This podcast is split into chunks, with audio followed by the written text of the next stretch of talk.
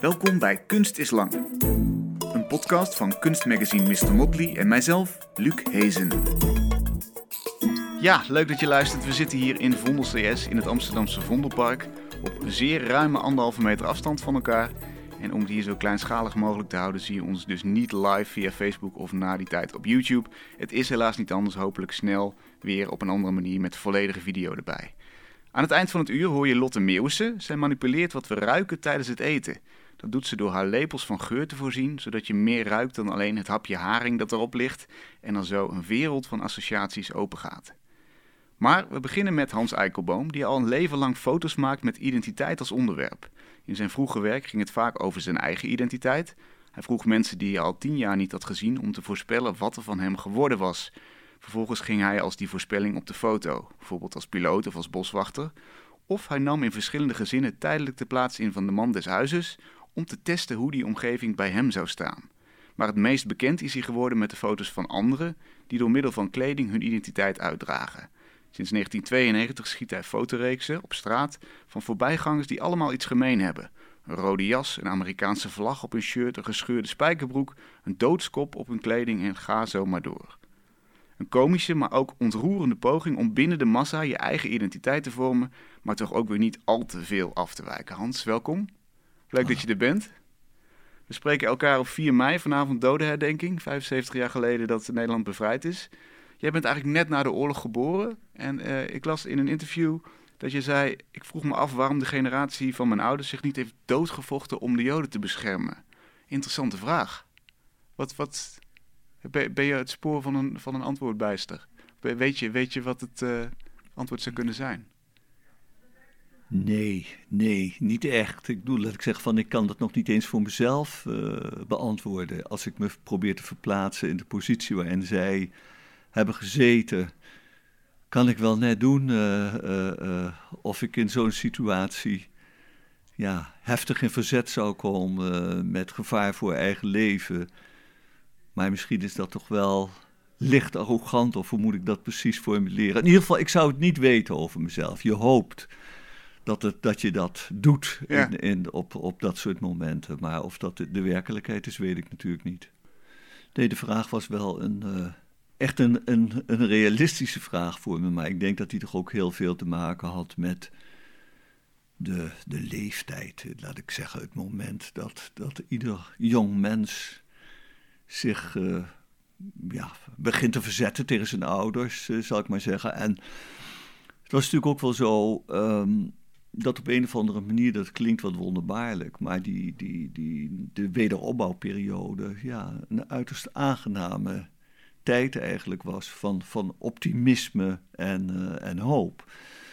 En uh, als je dan, uh, ja, ik weet het niet meer precies hoor, maar laat ik zeggen, als je dan op je 13 of 14-jarige leeftijd geconfronteerd wordt, nou ja, wat, wat, wat relatief uh, kort daarvoor zich heeft uh, afgespeeld, dan, dan, dan maakt dat ja, in ieder geval in mijn geval heftige emoties los. En, en ja, een diepe teleurstelling omtrent de wereld in het algemeen, maar ook wel omtrent je naasten, zal ik maar zeggen. Ja. En ben je er anders over gaan denken naarmate je ouder werd? Mm, nee, laat ik zeggen, in, in, in, in die zin, naar, naar, naar beide kanten toe uh, uh, gedacht.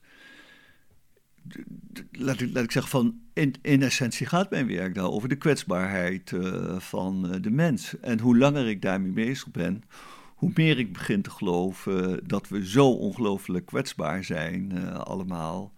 Dat, dat, dat nou ja, dat er dus niets over te zeggen valt van hoe je zou handelen in een bepaalde, in een bepaalde situatie.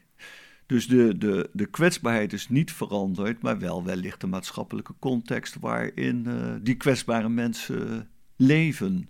Nou ja, en dan zijn we in feite weer, weer, weer terug bij de, bij de actualiteit uh, van, van nu waarin je ineens uh, nou ja, heel scherp uh, geconfronteerd wordt uh, nou ja, met de structuren die in deze maatschappij ja, zijn, zijn, zijn ingesleten En dat we nou ja, geen enkel antwoord hebben in feite op, op wat ons nu overkomt. En, en nou ja, wordt in heftige mate duidelijk gemaakt.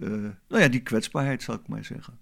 Dus eigenlijk zeg je dan, mensen zijn zo kwetsbaar, hebben zo hun handen vol aan hun eigen leven en zichzelf beschermen dat je mm. misschien niet van ze kan vragen om op te komen voor nee, Nee, nee, dat bedoel ik niet met die kwetsbaarheid. Ik bedoel met die kwetsbaarheid dat je zo verschrikkelijk uh, uh, beïnvloedbaar bent. Ik geef altijd, ah, ik geef altijd als voorbeeld de muur tussen Oost- en West-Duitsland. Nou ja, in, in 30 jaar tijd kunnen mensen zo verschrikkelijk veranderen. Of althans kan het systeem waarin, zijn le waarin zij leven de mensen dermate veranderen. Van dat als je die muur weghaalt tussen die mensen. Dat ze niet meer met elkaar kunnen praten. Dat ze elkaar niet meer begrijpen en leven allebei in een totaal ander systeem. Dat komt dan in een periode van drie of vier jaar wel, uh, wel weer goed. Maar ik bedoel, we zijn heel, nou ja, heel makkelijk beïnvloedbaar. We gaan heel makkelijk mee in systemen die zich langzamerhand uh, ontwikkelen. Bijvoorbeeld, zo kun je dat nu zien. Dat, ik ben me daar ook totaal niet van bewust geweest dat het langzamerhand privatiseren van de gezondheidszorg. Nou ja, nu uiteindelijk uh, voor een groot gedeelte deze consequenties uh, heeft. Dat, dat de neoliberale samenleving. Nou ja, dat, dat soort aspecten, dat, ja, dat, sluipt er langzaam, dat sluipt er langzaam in. En uh, we hebben dat niet in, in de gaten en we zijn wat dat betreft uiterst kwetsbaar. En dus ook een soort van speelbal van de omstandigheden waar je helemaal geen, geen oog voor hebt. Nou, ik denk, wel, ik denk wel, ik, ik, ik denk wel dat je er, dat je er oog voor, ja, oog voor hebt. Eh, ja, nee of niet. In ieder geval, je wordt meegezogen in een, in een, in een proces wat je, wat je, wat je, wat je. De, de, bedoel, de andere kant ervan is, Ehm, dat op dit moment zo ontzettend de nadruk wordt gelegd op het feit, of althans nu even niet door de coronacrisis, maar er wordt zo ontzettend uh, de nadruk op gelegd dat je een individu bent wat zijn lot in eigen handen heeft en alles zelf kan, uh, alles zelf kan bepalen. En als je dan hebt over ja, wat zich heeft, heeft, heeft ontwikkeld binnen, uh, ja, laat ik maar zeggen, binnen mijn denken. Hè? Toen, toen, en ik denk dat dat voor, voor, voor vrijwel alle, alle mensen opgaat. Toen ik, toen, ik, toen ik jong was, toen had ik echt het idee van: ik ben voor 80% helemaal van mezelf, een volstrekt functioneren, uh, autonoom functionerend uh, individu.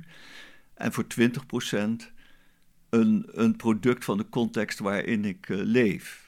Nou, en wat zich heeft ontwikkeld is dat ik nu tot het bewustzijn ben gekomen. Ik ben voor 80% een product van de context waarin ik uh, leef. En nou, ik mag al blij zijn als ik uh, uh, 20% echt van mezelf ben en als autonoom individu functioneer.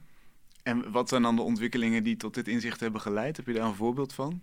Waarvan je dacht, nou, dit, dit, dit valt wel mee met die autonomie van mij. Nee, dat is ook een, een, een, een, nou ja, een proces wat zich in 50 jaar heeft uh, af, uh, afgespeeld en waarin niet echte momenten zitten dat je kunt zeggen, hè, hè, nu, nu overkomt me iets of nu gebeurt me, gebeurt me iets uh, uh, waaruit dat volstrekt helder. Uh, ja, god, ik kreeg wel eens een, een, een, een enigszins banaal voorbeeld, maar ehm, als je mij, nou ja, inmiddels is het weer helemaal, laat ik zeggen, als je mij 15 jaar geleden had gevraagd, zou, ga je ooit wel eens in je leven op sandalen lopen? Om, hè, dan, dan, dan zou ik gezegd hebben, nou, ik, ik ga liever dood dan dat ik op sandalen uh, ga lopen. En ik loop alweer drie of vier jaar op sandalen. Ja. Als je aan mij een lange tijd geleden gevraagd hebt, ga je ooit op Nike's lopen? Over mijn lijken nog niet. Nou, ik loop op Nike's. Nou ja, en zo kun je, kun je legio voorbeelden uh, geven. En ook in het, in het denken omtrent, omtrent dingen is dat zo. Maar wat, wat moeten we daar dan voor conclusies uit trekken? Want dat is heel interessant. Dan moet je dus eigenlijk misschien constateren dat je eigen principes helemaal niet zo, uh, niet zo, niet zo in beton gegoten zijn. Dat we, dat we eigenlijk misschien veel uh, zachter of zo door het leven moeten gaan, minder stellig. Dat geloof ik zeker. Ja, ik, ik, zou in ieder geval zelf wel wat met een stellig door het leven kunnen, kunnen gaan. Nee hoor, maar laat ik zeggen van dat we veel meer die 20% uh, koesteren. Want natuurlijk is er wel een harde kern. Maar het, het, het, misverstand begint te ontstaan op het moment dat je gaat zeggen van je bent een autonoom individu die alles zelf uh, bepaalt. Op het moment dat je daarin uh, gaat geloven, gaat aan, alle, natuurlijk aan alle kanten mis. Op het moment dat je leeft in het bewustzijn van er is maar een vrij kleine harde kern, maar die moet ik wel koesteren. En die moet ik, ja, een beetje raar om te zeggen, maar ik zou bijna zeggen, die moet je iedere dag water geven om die kern, uh, om die kern vast te houden. Omdat er zoveel momenten zijn waarin je eigenlijk ook niet in de gaten hebt waar, waar, wanneer het gaat uh, over, die, uh, over die harde kern. En, en, en nou ja, hè, ik bedoel, is, is, is het meest belangrijke om dan weer terug te gaan naar, uh, naar vandaag, naar 4 mei. Is het belangrijkste daarvan moraliteit? Is het belangrijkste daarvan een bepaalde vorm van handelen? Is dat doel, dat, dat is ook nog niet zo 1, 2, 3 te ontdekken en te formuleren wat, wat van jezelf de, de harde kern is en op welke momenten je, ja, hoe, hoe moet je dat zeggen? Je die moet gebruiken of moet aanwenden in situaties. Ja, heb je daar tips voor? Je, je bent er een leven lang eigenlijk al mee bezig met identiteit op deze manier. Ben je verder gekomen dan wij? Nee, dat, is, dat, ja, dat wordt natuurlijk regelmatig gevraagd. Wat wil je, heb je er wat van geleerd? Ben je er verder, uh, ben je er verder mee uh, gekomen? Nee. Het enige wat ik constateer is dat, dat uh, de, de, ja, hoe moet ik dat nou zeggen? Dat ik, dat ik, dat ik zo verschrikkelijk ook zo, zo, zo, zo iemand ben die. Nou ja, ik bedoel, laat ik zeggen, van de, de kern van mijn bestaan is kunst geworden, zal ik maar zeggen. Dus ik leef in feite in een buitengewoon kleine, ge, geïsoleerde, hè, van, de, van de maatschappij afgescheiden wereld. Dus het, ik, ik, zou alleen maar kunnen zeggen: het is mij overkomen. En ik weet niet op welk moment dat nou werkelijk is overkomen. Nee. En ik denk dat dat zo gaat met heel veel mensen. Dus ik kan alleen maar aan iedereen aanraden: let op. dat is het misschien. Let op wat er met je gebeurt. ja. en, en, toch was je er al op jonge leeftijd echt mee bezig. Want eh, nou, dat, dat project, hè, toen je achter in de twintig was, mensen die jou al, al tien jaar niet hadden gezien, vroeg je wat zouden van Eikelboom geworden zijn. Um, en je bent dus zelf op de foto gegaan op die manier. Ik zei al, piloot, boswachter.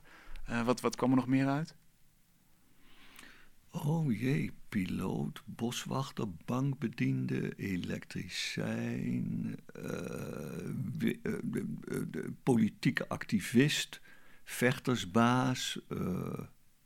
nou, dat, dat herinner ik me nu zo 1, 2, 3. Ja. Dat, en, en hoe werkt het dan? Zit er in elk van die identiteiten een kern van waarheid? Zit er iets van jou in? Of zijn sommige dingen gewoon flauwekul? En dingen? Nee, er zit in ieder ding zit een, zit een kern van waarheid. Dat ik zeg van Piloot. Nou, ik was uh, toen een, een uh, heel intensieve modelvliegtuigbouwer. Uh, hmm. Dus ik ging iedere zondag naar Terlet toe bij Arnhem om daar met modelvliegtuigjes eh, in de weer te gaan. En ehm, op dat moment kon je, als je beloofde piloot te worden in de luchtmacht, kon je een gratis zweefvliegopleiding krijgen. Als je een jaar 15, 16 was, ik weet niet precies de leeftijd en nou ja, een, een, goede conditie had. En als je op school het aardig deed.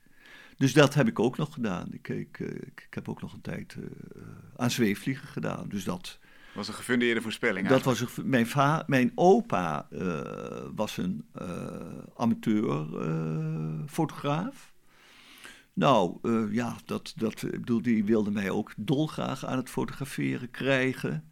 Dus mensen bij mij in de straat of mensen in mijn omgeving hebben dat gezien en hebben op basis daarvan uh, hun keuze bepaald. Uh, mijn ouders waren natuurliefhebbers. wij gingen ieder weekend op de fiets de natuur in. Nou, daar kwam boswachter uit. En zo, nee, in iedere, in iedere voorspelling zit een, een kern van, van waarheid. En, maar het curieuze is dat bij het een een heel klein facet is wat kennelijk veel indruk heeft gemaakt. En bij het andere is het volstrekt evident dat, dat mensen dat gedacht hebben dat ik dat zou worden. Ja, en eigenlijk vraag je dan om mensen ehm, die, die onderstromen waar je het net over had, een soort van expliciet te maken. Je, je vraagt ze eigenlijk van, nou, dit, deze, deze factor is een beetje aanwezig in jouw leven en waarschijnlijk gaat dat een bepalende factor worden.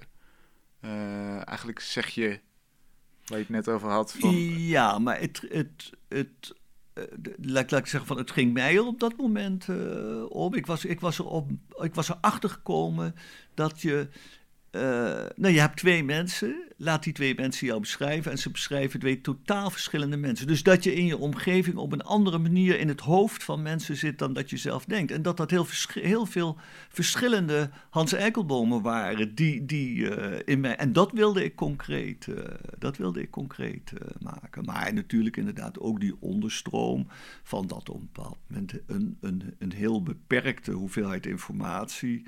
Uh, tot een levenslang uh, vooroordeel of beeld uh, kan, kan leiden. Ja. En eigenlijk ook de versplintering van die identiteit. Die bestaat dus in ieders hoofd als een ja, andere Hans. Ja, dus, ja, daar ging het ook om. Ja, daar zit eigenlijk die 80% zit er al, al best wel in, denk ik. Perceptie. Ja, dat ja, maar daar was ik me toen nog niet zo bewust nee. van. toen geloofde ik nog heel erg in, de, in mijn eigen nou ja, autonomie. Ja, Daarna volgde uh, De Ideale Man. Je vraagt vrouwen wat een type ideale man is en je dost je ook weer zo uit. Uh, is, is, dat ook een, een, serieuze verkenning van die identiteit? Of, was dat eigenlijk ook in lijn van wat je zo net zei? Vooral interessant om te laten zien hoe versplinterd die identiteit is en afhankelijk van anderen. Ja, en dat er dat soort uh, toch uiteindelijk, dat al die beelden die, die uit die, nou, laten we maar zeggen, uit die enquête uh, kwamen, dat dat in feite, als je ze heel goed bekijkt, ook een soort clichébeelden waren uh, omtrent de ideale man. Dus dat uh, daarin ook al, al helder werd van, nou ja, de relatie tussen het, het, het, door de maatschappij bedachte beeld van de ideale man en het beeld wat, wat de desbetreffende dame had van de ideale man. Ja, ben je er eigenlijk achter gekomen door wie inderdaad die beelden ontstaan zijn? Is dat een, is dat een reclame-industrie of is dat, zijn dat de media? Zijn dat de, de heldenfilms die je misschien wel ziet? Of wie, wie, wie fluistert ons die ideeën eigenlijk in? Waarom, waarom hebben we niet zelf een, een, allemaal een identiek plaatje daarvan? Ja, um, um, dat, dat, dat, ja, dat is natuurlijk een van de, van, van, van de meest lastige, een van de meest lastige vragen. Ik bedoel, het is het is natuurlijk vrij, nou ja, vrij eenvoudig en makkelijk om op een bepaald moment te, te, te roepen. Uh, uh, nou ja, dat, dat, is, dat, dat, zijn de media of dat is de reclame of. of, of ja, ik denk niet dat het, dat het, dat het zo simpel in elkaar zit. Dat het toch een, een optelling is van, van factoren. Maar het is wel zo dat. Ehm, ja, ik, ik vind het zo ontzettend vervelend om, om, om te spreken over. Want dan zou je zeggen van ja, er is een geheimzinnige macht. Die geheimzinnige macht is, is buitengewoon moeilijk te analyseren. Maar het is kennelijk een macht waar we grote behoefte aan, uh, aan hebben. Ja, en die grote macht die is in die en die handen. Nou ja, zo, dat, dat, dat, dat kun je. Ja, ik, ik, moet, gezegd. ik moet er zo aan, aan denken, omdat ik tegen een, tegenover een man uh, zit met een heel mooi uh, ringbaardje. Mm. Uh, en dat dat echt gewoon absoluut een gevolg is van, van ja, wat er nu in de wereld speelt. Ik bedoel, 50% van de mannen hebben zo'n type baard. En uh, nou, 15 jaar geleden niet. Toen ja. was er nauwelijks iemand met een baard. Nou, ja, kun jij zeggen hoe het komt dat jij die baard nu hebt?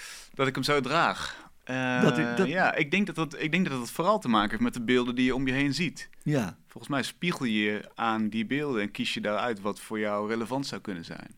Dat geloof ik wel. Ja. Ik geloof niet in een soort van complot dat er, dat er ergens in een kantoor mensen handen wrijvend zeggen... en nu gaan we deze baard populair maken. Dat denk ik niet. Nee, bij een baard is dat niet zo. Maar ik bedoel bij bepaalde auto's, bij bepaalde kledingstukken... bij, nou ja, je kunt een heleboel dingen op, op, opnoemen... waarbij dat eventueel wel het geval is. Maar waar, ik bedoel, dat is, dat is het punt... Uh, uh, uh, nou ja, dat je om je heen kijkt en dat je op grond van het feit dat je kennelijk voorbeelden nodig hebt. Of, of nou ja, dat, dat, dat is voor mij dat punt van die, uh, van die kwetsbaarheid. Ik bedoel, dat, dat ja, op, ja, je verliest je autonomie. Je maakt wel een, een, een, een, een, ja, een doelbewuste keuze. Nou ja, dat, dat zijn hele ingewikkelde, dat zijn de ingewikkelde processen. En ik heb op een bepaald moment maar ook besloten om uh,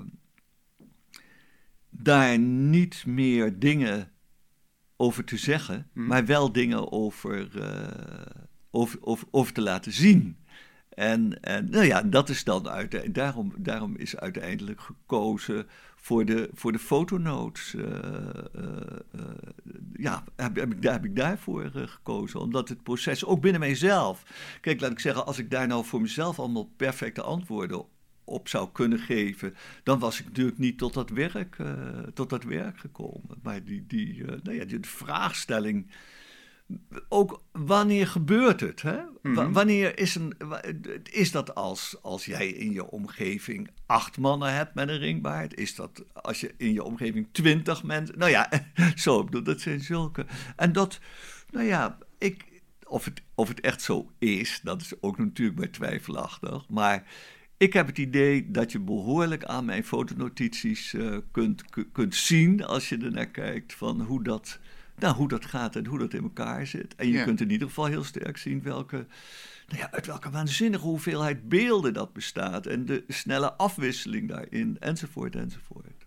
Ja, precies. Dus, dus de ene keer is, is het nog die baard, de andere keer is het een langere hipsterbaard, de andere keer is het een rode jas of inderdaad een Rolling Stones logo op je shirt. Ja, dat ja. Zijn, en, dat zijn en hoort er een, een, kaalhoofd bij of hoort er een paardenstaart bij. En nou ja, nu is het zo fantastisch van bedoel, dat is ook wel inmiddels weer een beetje een clichébeeld geworden. Maar, maar dus daardoor ook onmiddellijk weer minder. Maar laat ik zeggen van, je kon inderdaad geen koffie drinken en niet geholpen worden door een meneer met een hipsterbaard uh, en, een, en, een, en een knotje of anderszins een, eh, een staartje. Nou, dat zijn toch, dat zijn toch fantastische fenomenen, vind, uh, vind ik. En het is, ik, nee, ik, ik kan daar op geen enkele manier op een, op een hoe zeg je dat? Waarde toekennende manier iets, iets over zeggen. Ik kan alleen maar daarover zeggen: God, wat zitten we toch als mens prachtig in elkaar in feite.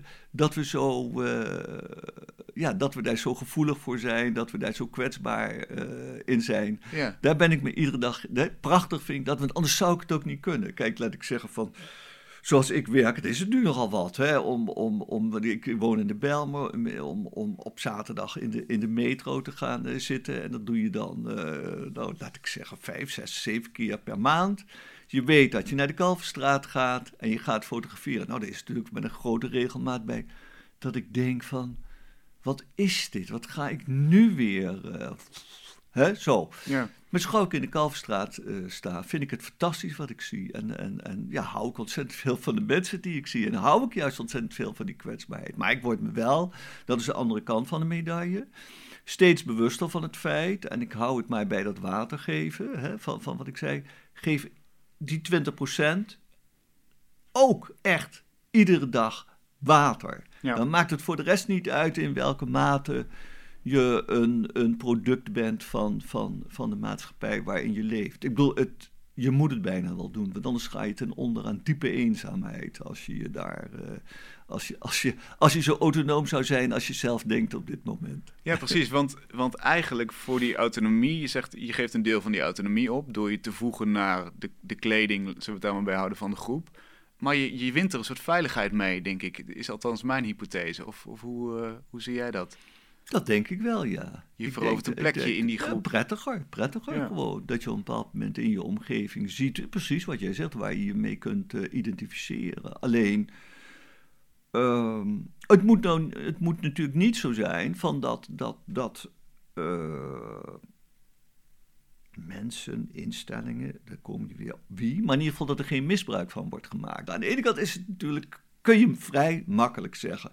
Het is natuurlijk walgelijk dat Armani nu bedenkt van ik ga een kledinglijn maken en dan ga, ik de dan ga ik de kledinglijn en het mondkapje met elkaar in overeenstemming brengen. En het mondkapje, dat wordt de trend voor volgend jaar. Ja, je kunt het niet verzinnen bijna, maar het is wel realiteit.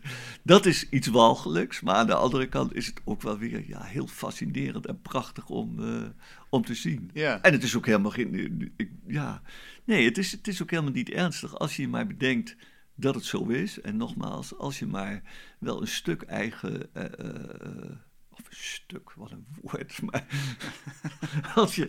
Goh, zit helemaal in de, in de cliché, ja. cliché welzijnstaal terechtgekomen. Nee, nee. Als we niet oppassen. Maar goed, dat. Uh, ja. Ja, zo. dus, dus let op je, op je eigen kern inderdaad. Ja, precies. Ja, ja. grappig. Um, het is voor jou natuurlijk in die zin een rare tijd. Je gaat waarschijnlijk nu niet meer naar de Kalverstraat in de metro. Nee, nee, dat nee. Wat, Wat, wat komt er uit je handen nu in deze tijden? Uh, nou, punt 1, de, de, de, punt 1 is het buitengewoon aangenaam uh, dat ik zoveel thuis moet blijven en dat ik verplicht word om heel hard aan mijn archief uh, te. Nou ja, niemand verplicht dat, maar ik heb nu het gevoel dat ik eindelijk de tijd heb om eens, om eens goed in het archief te duiken en nou ja, eigenlijk heel diep na te denken over wat ik wat ik nog wil aan, uh, aan, uh, aan dingen en wat, mhm. ik, wat ik met mijn werk uh, wil. En wat komt daaruit? Uit die overpeinzing? Wat wil je nog? Nou, ja, de, de, laat, ik, laat ik zeggen van, de, ik, ik ga ervan uit dat ik nog, ik heb altijd gedacht ik werk, of altijd, in het begin was het 15 jaar, maar later ben ik gedacht ik werk er 30 jaar aan en ik ben nu toch wel bezig om, om te denken van, ik wil het wat, wat afgaan, ronden. En binnen dat afronden zitten, zitten twee mogelijkheden in feite. Um, ik zou het wel mooi vinden als ik weer terug zou kunnen gaan naar zoals ik echt helemaal begonnen ben. Want als ik aan het fotograferen ben in de Kalfstraat, kom ik natuurlijk ook met een zekere regelmaat mezelf tegen. Namelijk een meneer met dezelfde schoenen en dezelfde broek en hetzelfde jasje als ik zelf uh, aan, uh, aan heb. Hoe ziet hij eruit? Beschrijf hem eens, die man. Een grijs jasje met een spijkerbroek. Wat, uh, maar het, ik wil mezelf weer door anderen gaan laten fotograferen. Dus het lijkt eigenlijk heel simpel. Wat, wat, ik bijvoorbeeld nu gedaan heb, is mensen fotograferen met een tasje eenzaam lopend en met een Dirk van de Broek tasje. Plastic zak, een ja. of andere. En dan wil ik ook door iemand anders een foto laten maken van mezelf met een Dirk van den Broek uh, tasje. Omdat ik ook wel eens met een Dirk van den Broek. Dus ik wil heel, eh, heel langzamerhand weer nou ja, in mijn eigen series terecht, uh, terechtkomen. Dat is een, ja, een ambitie, een idee. Dat heb ik al veel langer. Dat zou ik verder moeten. ja, ja, dan moet ik gewoon kijken hoe dat werkt. En waarom eigenlijk? Want dan stap je dus van de positie van fotograaf, die eigenlijk op afstand is om te laten zien van dat ik net zo kwetsbaar en net zo gevoelig ben als dat ieder ander mens uh, is. En dat ik in feite uh, ermee begonnen ben van wat ik net al zei. Dat ik toen het, ja, het wonderbaarlijke idee had dat van als ik zelf in zo'n ruimte zou staan waar al het werk te zien zou zijn, dat ik dan een spiegel zou zien en dat ik daar zou zien in die spiegel van al die andere mensen van wat ik uiteindelijk zelf geworden eh, ben.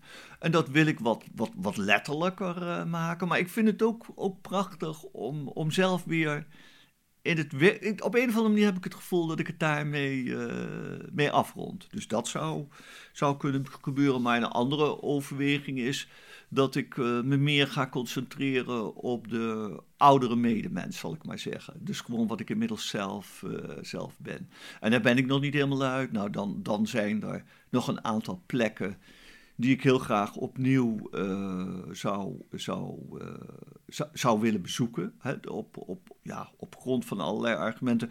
Laat ik zeggen, van, ik, ik, ik las, geloof ik, gisteren wel, wel, wel een mooi artikel van Arnon, uh, van Arnon Gunberg. En dat ging over de oudende wordende mensen in, in Californië. En dat daar de hardste strijd plaatsvindt van de mens tegen de ouderdom. Nou ja, het kan bijna niet anders van, daar moet ik een paar maanden heen om daar te gaan fotograferen van hoe dat nou eruit ziet en wat er overblijft van, je, van, nou ja, van die harde kern als je je ook nog overgeeft aan alle mogelijkheden die er zijn om aan je lichaam te laten, te laten Ja, sleutelen. zoals liposuctie, Dus- botox. Precies, dus dat zou dan een, een, een, een- Nou ja, aan de andere kant is het zo van dat er in de maatschappij van alles gebeurt. Er zijn bepaalde plekken waar ik wat dat betreft. Ik, ik, het is, nou ja, heel concreet. Ik zou nog wel heel erg graag, en dat heb ik ook al heel lang in mijn hoofd zitten, in Istanbul een tijd willen fotograferen. Ik zou nog wel heel erg graag een tijd in Warschau willen fotograferen. Ik, nou ja, zo. En ik ben aan het afwegen op dit moment van. ehm, nou ja, wat daar de belangrijkste elementen in, eh, in, in, in zijn die ik, die ik nog te, te doen heb en welke tijd eh, daarvoor eh, is. En Ja. dat, dat, ja. Je zegt de hele tijd nog, maar hoe- met hoeveel tijd reken je? Hoe, hoe lang denk je dat je nog actief kan blijven? ja, nou ja, laat ik zeggen van eh, tien of zo. Ja. Tien, ja, ja. En, en eh, ja, ja, ja. En ik bedoel het ook in verhouding tot elkaar, hoor. Dat, laat ik zeggen van, ik bedoel, als je het een doet, moet je het andere laten. En dat ook met nog. Ja. Dat, eh, ja. En waarom, waarom eh, Polen of Turkije? Turkije, omdat ik dat een hele interessante plek vind wat betreft de, ja, de, de, de, de, de, integratie van verschillende culturen en de strijd die daar. eh, eh, ja, strijd. Nou, strijd die daar plaatsvindt. Laat ik zeggen van aan de ene kant het streng, eh, de, de, de, de strenge islam, de minder strenge islam, een steeds autocratischer bestuursvorm. terwijl het toch, nou ja, dat, dat soort facetten eh, allemaal. En daarvoor eh, op dezelfde manier, want ik heb ook wel in, in Shanghai al vrij lang een keer een periode gefotografeerd. Maar ja, dat begint me, die ontwikkeling daar begint me ook steeds meer eh, weer, weer, weer, weer, weer, te, weer te trekken. Ja, Polen heeft weer, weer, weer andere, eh, andere, andere argumenten. Dat, En, en laten we het voorbeeld van Turkije eens nemen. Als je. Als je inderdaad die, die, eh, die religieuze onderstroom daar ziet en de, de politieke ontwikkelingen. eh, hoe, hoe, hoe vertaal je dat naar zo'n beeld, naar die straatfotografie? Hoe, hoe, hoe weet je dan waar je op moet letten? Welke, welke dingen betekenisvol zijn voor dat verhaal? Dat weet je niet. Dat is het goede. Zo gauw je denkt dat, dat, dat, je, dat je weet wat betekenis is, betekenisvol dat voor niet voor dat verhaal, maar laten we maar meteen zeggen voor mijn verhaal. Nee, maar dan zou je meteen bezig gaan met. met eh, Het opzoeken van die elementen. Ja, laat ik zeggen met documentaire fotografie. En, en, en zo voel ik dat zelf helemaal eh, niet. En dat soort plekken is het wel zo. En dat is anders hier in eh, Amsterdam. Dat het je kan gebeuren dat je gewoon een. een ja, dat je het gewoon fout doet, zou ik maar zeggen. En in die zin fout doet, om, om het allemaal maar zo simpel mogelijk te houden. Ik, ik ben in Istanbul, ik ga fotograferen, ik kijk rond me heen. Ik denk, nou, het thema van vandaag, het is wel een beetje, ik heb het al vaker gedaan. Het is wel een beetje een, een, eh, voor mij een cliché onderwerp. Maar vandaag neem ik mensen met rode jassen. Goed. Ik ga aan het werk, ik ga mensen met rode jassen eh, fotograferen. Ik ben in de hotelkamer, ik ga eens kijken wat ik gedaan heb. En dan denk ik, maar hoe kan het nou toch dat ik tijdens het fotograferen alleen maar die rode jassen heb gezien en niet dat en dat?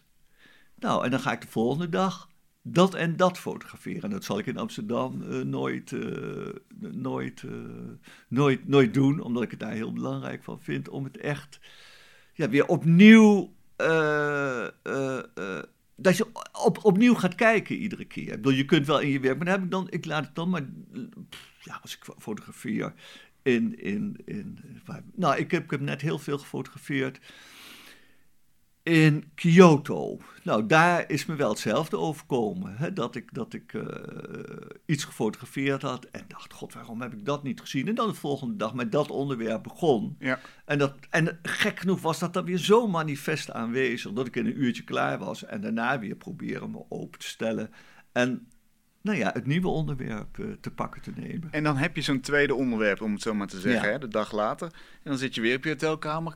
Ga je dan proberen te bedenken van, wat, wat zegt dit nou? Nou heb ik er acht naast elkaar.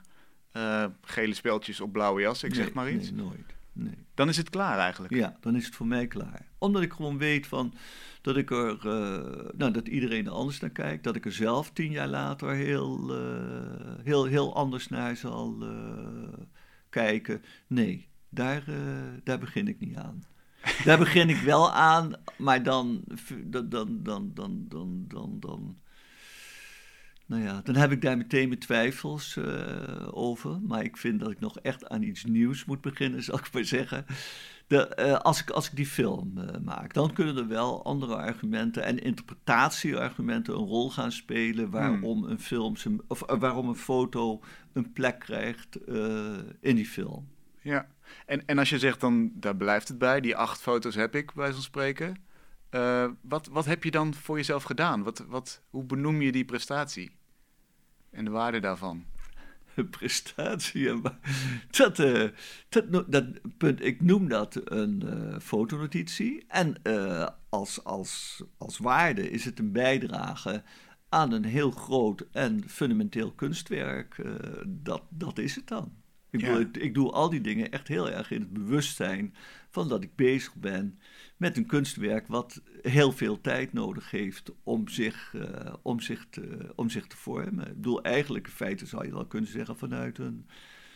een, een uh, nee, want zo is het bij mij niet. Maar je, je, je bedoel, laat ik zeggen, van, van om, om pogen te formuleren waarom je dat iedere keer toch. Dus zou je kunnen zeggen, wel van. Je moet er wel een behoorlijk arrogante kwast zijn om dat zo ontzettend lang vol te houden en iedere keer maar te denken van dat je werkt aan iets heel fundamenteels en iets heel belangrijks. Mm. Maar, maar stel, jij bent die arrogante kwast, hè, wat ik niet helemaal geloof, maar laten we voor de hypothese ervan uitgaan. Ja. Hoe, hoe, hoe, verantwoord je het dan? Wat, wat, is dan jouw, jouw grootste kunstwerk wat je, wat je neerzet? Is het een beschrijving van de mens? Moet het een encyclopedie worden van hoe wij ons gedragen? In, in wat voor termen druk je het uit? Uh, de, de, de, kern... Uh de kern ervan is dat ik, wil, dat, dat ik de kwetsbaarheid wil, uh, wil, wil laten zien. Dus dat ik in feite gewoon dat, dat, dat proces wil, wil laten zien. Dat we daar allemaal mee bezig zijn van die 2080 naar 80, uh, naar 8020. En dat niet wil doen op een theoretische manier. Dat niet wil doen.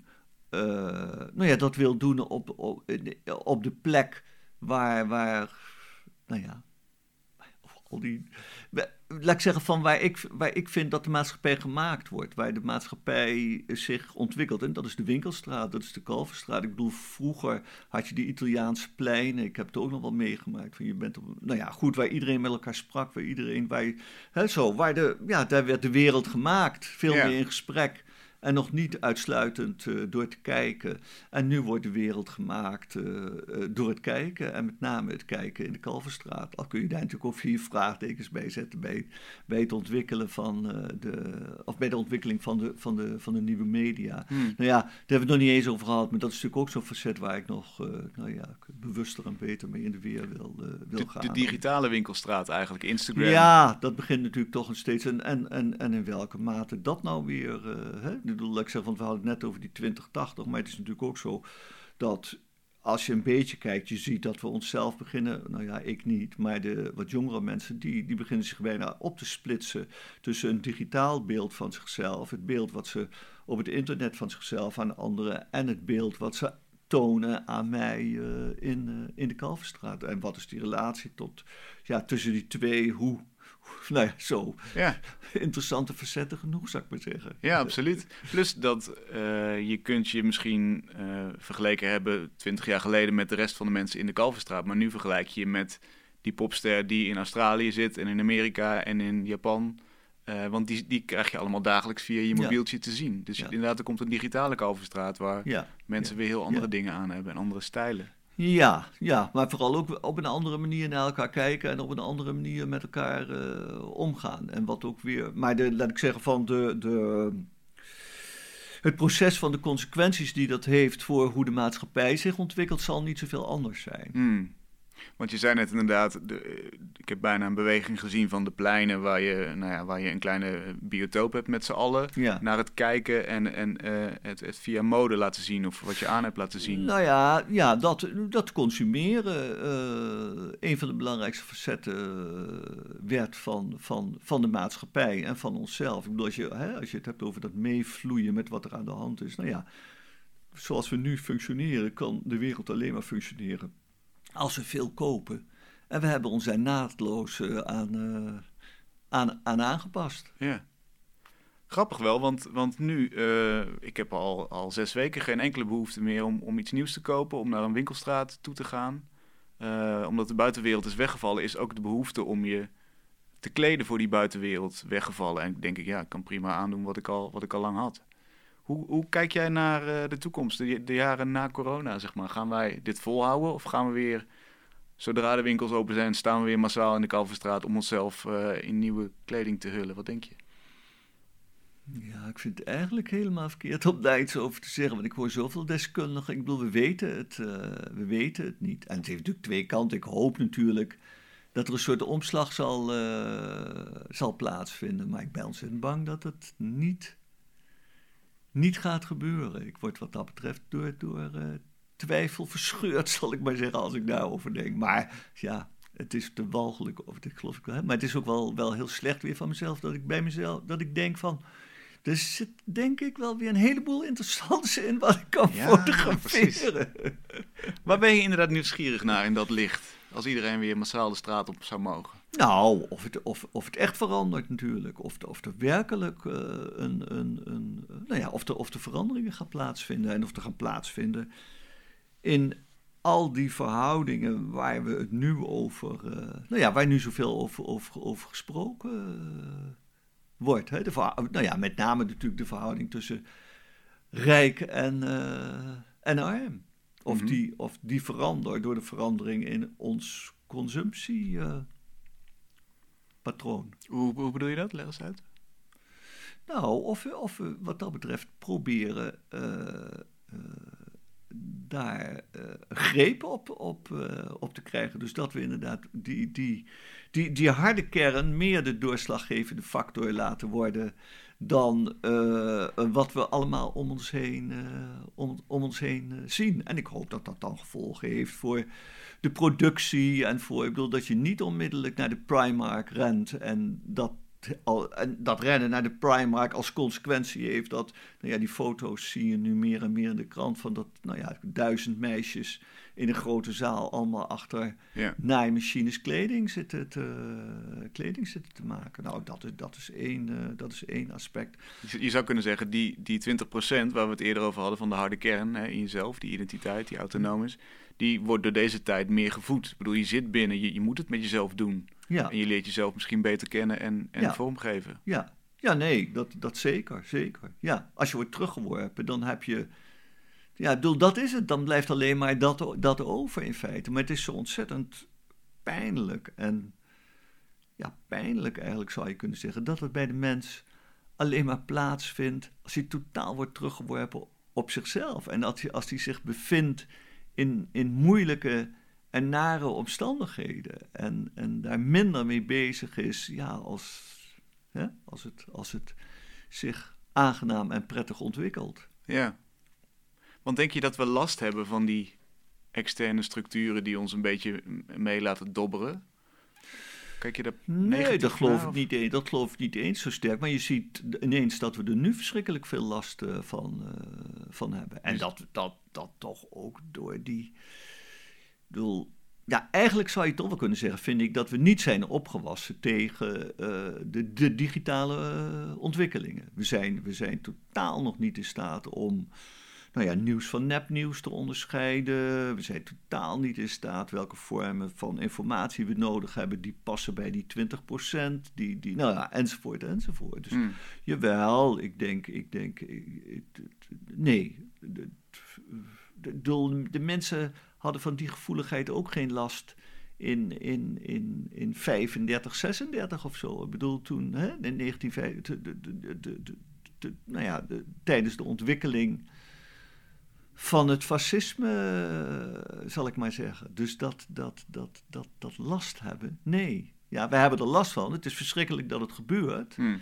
Maar ik bedoel, aan de lijve ervaren dat we er last van hebben, dat is nog weer een hele andere koek. Maar dat kan toch bijna niet anders als je ziet van hoe, hoe kan het nou toch dat, dat, ja, het is ook vervelend om te zeggen, maar dat toch een, een, een, een, een volkomen vreemde en rare man, om geen andere bewoordingen te gebruiken, de president is van uh, Amerika. Je kunt er niet volhouden dat we daar geen last van uh, hebben. Maar ja, heb jij er last van?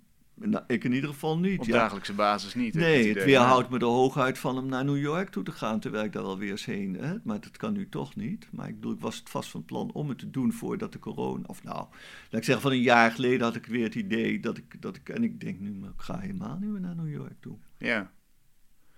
Maar, Maar- echt concreet, nee.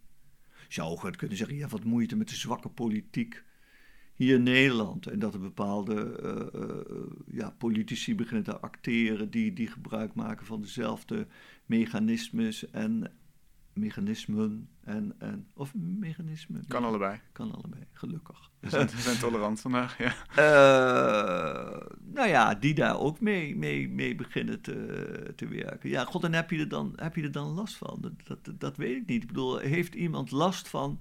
Dus dan ga je, dan ga je naar, naar de Dam toe en daar kom je dan een dame tegen. eh, en meerdere mensen, en die hebben dan een bord op de buik en er staat dan op, eh, hoe heet het? NPO is nepnieuws. Hm. Ja, heeft zo iemand daar last van? Nee, die heeft er helemaal geen last van dat hij met zo'n bord op de dam. Maar hij, ja, heeft de wereld, heeft de context daar last van? Nou, misschien ook nog niet eens zo'n hoge mate. Maar als totaal, als ontwikkeling in de maatschappij, ja, natuurlijk hebben we daar ontzettend last van. Maar dan eigenlijk doemt toch het beeld op waar we, waar we mee begonnen ook wel. Hè? Dus laten we die 80% aanhouden. Dat, dat zijn structuren om ons heen, die beïnvloeden ons een beetje. Ja, Maar eigenlijk gaat het maar voor 20% om eh, waar het ons echt raakt, zeg maar. En we, Ja. we hebben be- best een hoge tolerantie voor die omgeving, zo- zo- zolang die ons niet direct raakt. ja. Maar daar zit misschien ook het antwoord in op, op die eerste vraag. Waarom kom je niet op voor, voor een eh, bevolkingsgroep die gedeporteerd wordt? Ja, als, als, als jij Nou je leven kan dan- leiden. nee, maar omdat het dan gaat over moraliteit. En Ja. dan, hebben we, dan hebben we het ineens weer over eh, dat nou ja, die harde kern gevoed moet worden. Mhm. En er, kunnen mechanismen zich afspelen waarbij die harde kern steeds meer aangetast wordt en waarbij die gevoed eh, eh, wordt. Maar zou het niet zo zijn dat, dat die generatie zich niet zo hard heeft opgesteld eh, tegen een, een bezetter zoals je, zoals je zou willen? Hè? Dat je, dat je Mhm. terugkijkt en denkt, waarom hebben ze niet harder gevochten? Omdat het hen niet genoeg persoonlijk privé geraakt heeft. Of die, omdat, omdat ze hun eigen kern moesten beschermen. Nee, ja. De, de, gisteren was er de, de, de- bij, ja, bij OVT. eh, die, die verzamelt dagboeken. eh, Geschiedenisprogramma op de, op ja, de radio. ja, 1. die, die verzamelt. d- daar, was, er was iemand van het, het instituut van meneer de Jong. Hoe heet dat nou? Het Oorlogsinstituut? NIOD. Ja. En eh, die vertelde over een dagboek van een, van een meneer die, die, die had op straten gewandeld. Die had gezien dat er Joden gearresteerd eh, werden. Hij maakte daarover aantekeningen in zijn dagboek dat hij dat vreselijke beelden eh, vond. Hm. En ging naar huis en trok met zijn familie een flesje wijn open. Zoiets was het, was het, was het verhaal. Ja, Ja. Dat, dat, dat, dat kan kennelijk ja, naast elkaar bestaan. Ja, precies.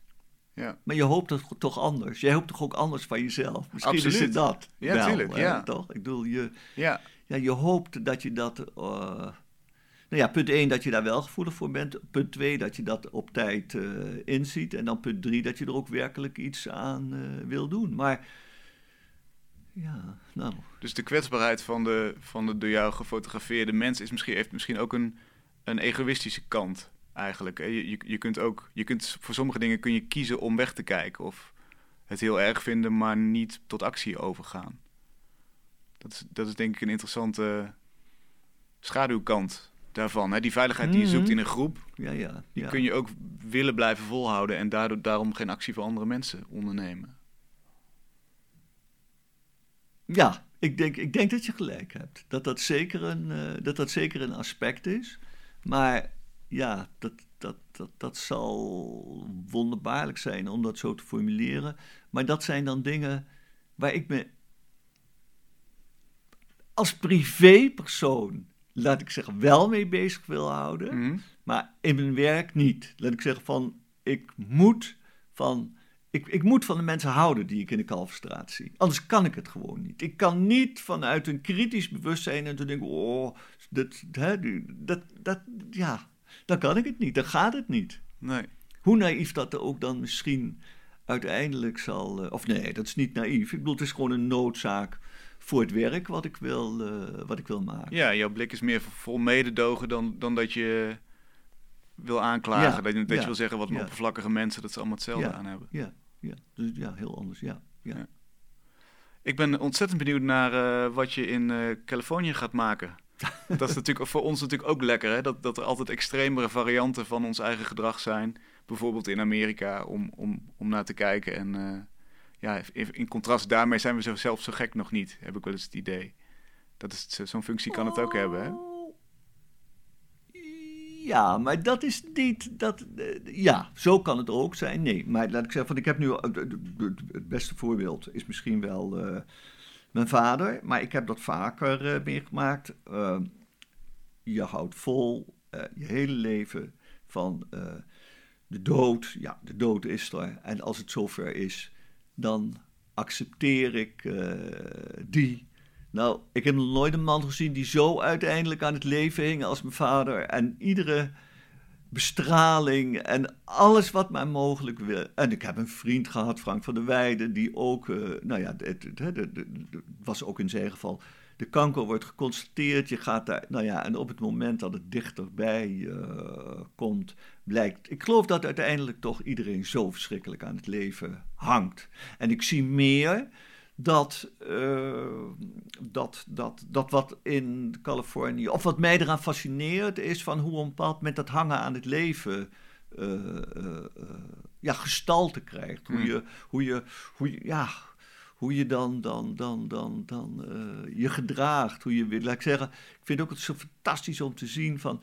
in, in Luik op zondag, de markt bepaalde cafés daar. En daar dansen oudere mensen altijd. Of nou ja, mijn leeftijdsgenoten inmiddels dansen daar en genieten daar uh, uh, verschrikkelijk van. Nou, kom dan maar eens om uh, in, in Nederland ergens. Nou, dat soort dingen vind ik ook, ja, dat wil ik dan graag zien. Want wat is, wat, wat is daar anders aan? Hoe, hoe ziet intimiteit er speelt? Nou ja, zo, allemaal dat soort. Ja. Ook omdat het voor jou waarschijnlijk dichterbij komt. Ja, nee, dat zei ik. Ik bedoel, ik, ga, ik, ik, ik, ik ik heb een keuze in de ontwikkeling van het werk. En ik, nou ja, ik wil het meer naar me toe uh, halen. Dus een, een hele belangrijke keuze daarin zou kunnen zijn om me echt meer op de oudere medemens te gaan concentreren. Ik kijk er naar uit. Dankjewel. De komende tien jaar wordt, uh, wordt, worden mooie jaren, denk ik. Dankjewel, Hans. Goed, niets te danken. En we sluiten af met een project dat op Voor de Kunst staat. Het crowdfund-platform voor de creatieve sector. En dit keer is het Lotte Meeuwissen. Zij wil het voedsel dat we opeten van een andere geurcontext voorzien. Lotte, welkom. Hi. Hi. Hoi. Hoe, hoe werkt het precies? Middels eigenlijk een project waarop je heel simpel gezegd een lepeltje hebt waarop je een geurballetje kunt zetten. En in die geurballetjes, die kun je, daar kun je dus verschillende geuren in stoppen. En op deze manier uh, kun je eigenlijk, terwijl je aan het eten bent, spelen met en onderzoeken hoe het eten nou verandert als je verschillende geuren, uh, met verschillende geuren eet. We eten eigenlijk altijd met een geur, terwijl we daar eigenlijk niet bewust van zijn. Want uh, in iedere ruimte waar je bent, of als je op het strand zit of op, uh, langs de snelweg zit, um, heeft natuurlijk een bepaalde geur. En dat verandert eigenlijk de hele eetbeleving. Dus je moet je eigenlijk voorstellen dat met het lepeltje wat je kan doen, is dus terwijl je gewoon thuis aan tafel zit te eten, kun je dus eigenlijk wisselen tussen bijvoorbeeld langs de snelweg eten en aan het strand eten. Dus bijvoorbeeld een hapje haring neem ik. En dan heb jij in dat bolletje een, een geur van, een, van de zee. Dat is een voor, inderdaad een voorbeeld. En waar ik zelf vooral heel erg geïnteresseerd in ben, is hoe geuren eigenlijk emoties en herinneringen triggeren. Mm Dus um, het is zeker zo dat 80% van smaak wordt door geur bepaald. Maar waar ik in mijn onderzoek vooral geïnteresseerd in ben, is hoe eigenlijk de emotionele context van, van het eten, zeg maar, bepaald wordt door geur. Dus wat ik net al zei, bijvoorbeeld, um, als je dus met een geur een herinnering kan triggeren dat iemand aan het strand zit, of een bepaalde emotie kan triggeren, um, dat brengt natuurlijk heel veel verhalen naar boven bij, bij die persoon. En op het moment dus dat je aan tafel zit waarin allemaal mensen met verschillende geuren of bepaalde geuren die herinneringen uh, die bepaalde herinneringen triggeren. Uh, als je met die mensen aan een tafel zit, kunnen er zo dus hele interessante gesprekken ontstaan. dat het eigenlijk een hele onderzoekende en hele open manier van eten is. En heb je daar een voorbeeld van? Wat voor verhalen kwamen er los door bepaalde geuren? In mijn eerste prototype had ik bijvoorbeeld de geur van vanille, heel simpel, had ik die erin gedaan. Mhm. Maar wat ik doe is dat ik niet, ik, ik noem de geuren niet bij zijn naam, zeg maar. Dus ik, de geuren worden gecategori- gecategoriseerd door eh, kleuren. En op deze manier kwamen er bijvoorbeeld eh, bij de vanillegeur was er een meisje die, eh, die was aan het ruiken. En zei, oh, wat, wat is deze geur? Doet me echt zo erg denken aan die, die dag dat ik met mijn moeder aan het koken was. En op die manier kwamen natuurlijk, werden mensen ook nieuwsgierig naar haar verhaal. Dus kwam eigenlijk een hele mooie conversatie tussen, tussen verschillende personen. En ehm, hoe kan het eigenlijk dat dat gebeurt? Weet je wat geur doet in de hersens bijvoorbeeld? Nou, eh, geur en smaak, eh, die, gebruiken de, die maken gebruik van dezelfde receptoren, zeg maar, in de hersenen. Dus vandaar dat die zo, eh, dat die zo dicht bij elkaar liggen en zo erg elkaar beïnvloeden eigenlijk.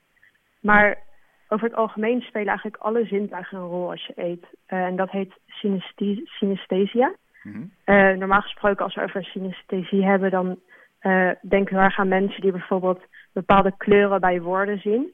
Maar synesthesie is eigenlijk iets wat we iedere dag ervaren. Dus bijvoorbeeld bij, zo'n, eh, bij een ervaring als eten.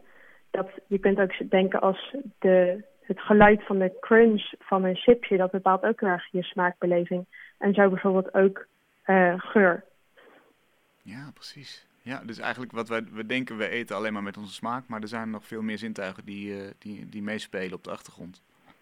Ja, precies. Hey, Ik denk dat het ook heel erg komt doordat ehm, vroeger, zeg maar in de prehistorie, gingen we op zoek naar ons eten en gebruikten daar heel erg onze neus voor. Die hadden we gewoon nodig, zeg maar, overlevings, op overlevingsgezien, zeg maar. Eh, maar nu hebben we dat natuurlijk niet meer nodig. Dus worden al die zintuigen die worden een beetje afgevlakt. En nu is natuurlijk onze visuele zintuig heel actief de hele tijd. Daardoor worden eigenlijk de rest van de zintuigen een beetje afgevlakt in, in onze dagelijkse ervaringen. Oh ja, en jij wil die eigenlijk weer terugbrengen. Je wil eh, de aandacht voor de geur weer eh, Ja, herstellen. Ja, precies. Want ik, ik denk dat, het, dat dat een hele mooie eh, nieuwe touch aan beleven, belevingen kan geven. Niet, niet alleen aan eten, maar eigenlijk ook, je moet maar denken als je door een, door een stad loopt bijvoorbeeld.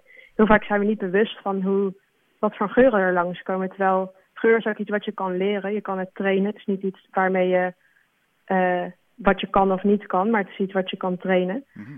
Ehm, en daarmee kan je eigenlijk een hele, eigenlijk een hele nieuwe belevingslaag over alles wat je doet eh, zetten. En ook een hele emotionele laag, want eh, emotie en geur liggen heel erg nauw bij elkaar. In welke vorm gaat het project te zien zijn als de crowdfunding succesvol is? Ehm, nou, in eerste instantie ga ik een hele set met geurlepels maken. Dus ik wil het heel graag één doel eh, van de crowdfunding is om het bij de mensen thuis te kunnen brengen. Dus ik heb hiervoor middelpacks bedacht eigenlijk waarin een lepels, een keramieklepeltje zit handgemaakt met twee verschillende geurbolletjes. Mhm.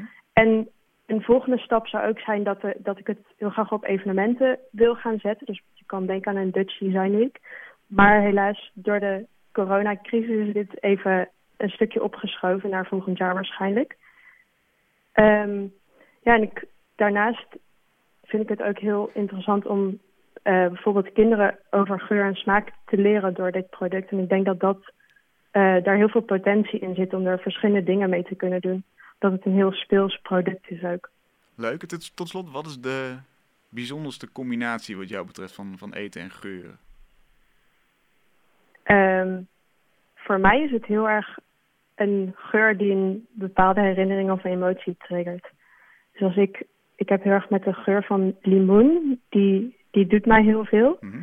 En wat ik ook met die geur eet, zeg maar, wordt voor mij eh, een hele bijzondere ervaring. Omdat het gewoon mij heel erg doet nadenken aan, aan herinneringen en aan, aan die emotie die dat triggert eigenlijk.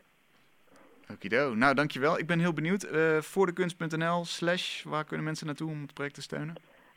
Middelgeurende lepels. Muddle, geur. En muddle is dan een, dat is het Engelse woord, hè? Ja, Muddle, geurende lepels. Waarom dat? M-U-D-D-L-E. Muddel betekent eh, mixen. En toen ik het project bedacht, ging, was ik daar mijn onder, het kwam eigenlijk van mijn onderzoek naar synesthesie. Dus hoe alle, alle zintuigen met elkaar in contact staan. Dus ik wilde eigenlijk de zintuigen met elkaar mixen. Daar, daar komt het eigenlijk van. Dankjewel, uh, Lotte. Het is mij helemaal duidelijk. En uh, ik hoop heel snel in levende lijven iets te kunnen eten met een van die speciale geuren van jou erbij. Dankjewel. Leuk, superleuk. Tot zover Kunst is Lang van deze week. Volgende week zijn we er weer. En dan zit hier Farida Sedok. Heel graag tot dan.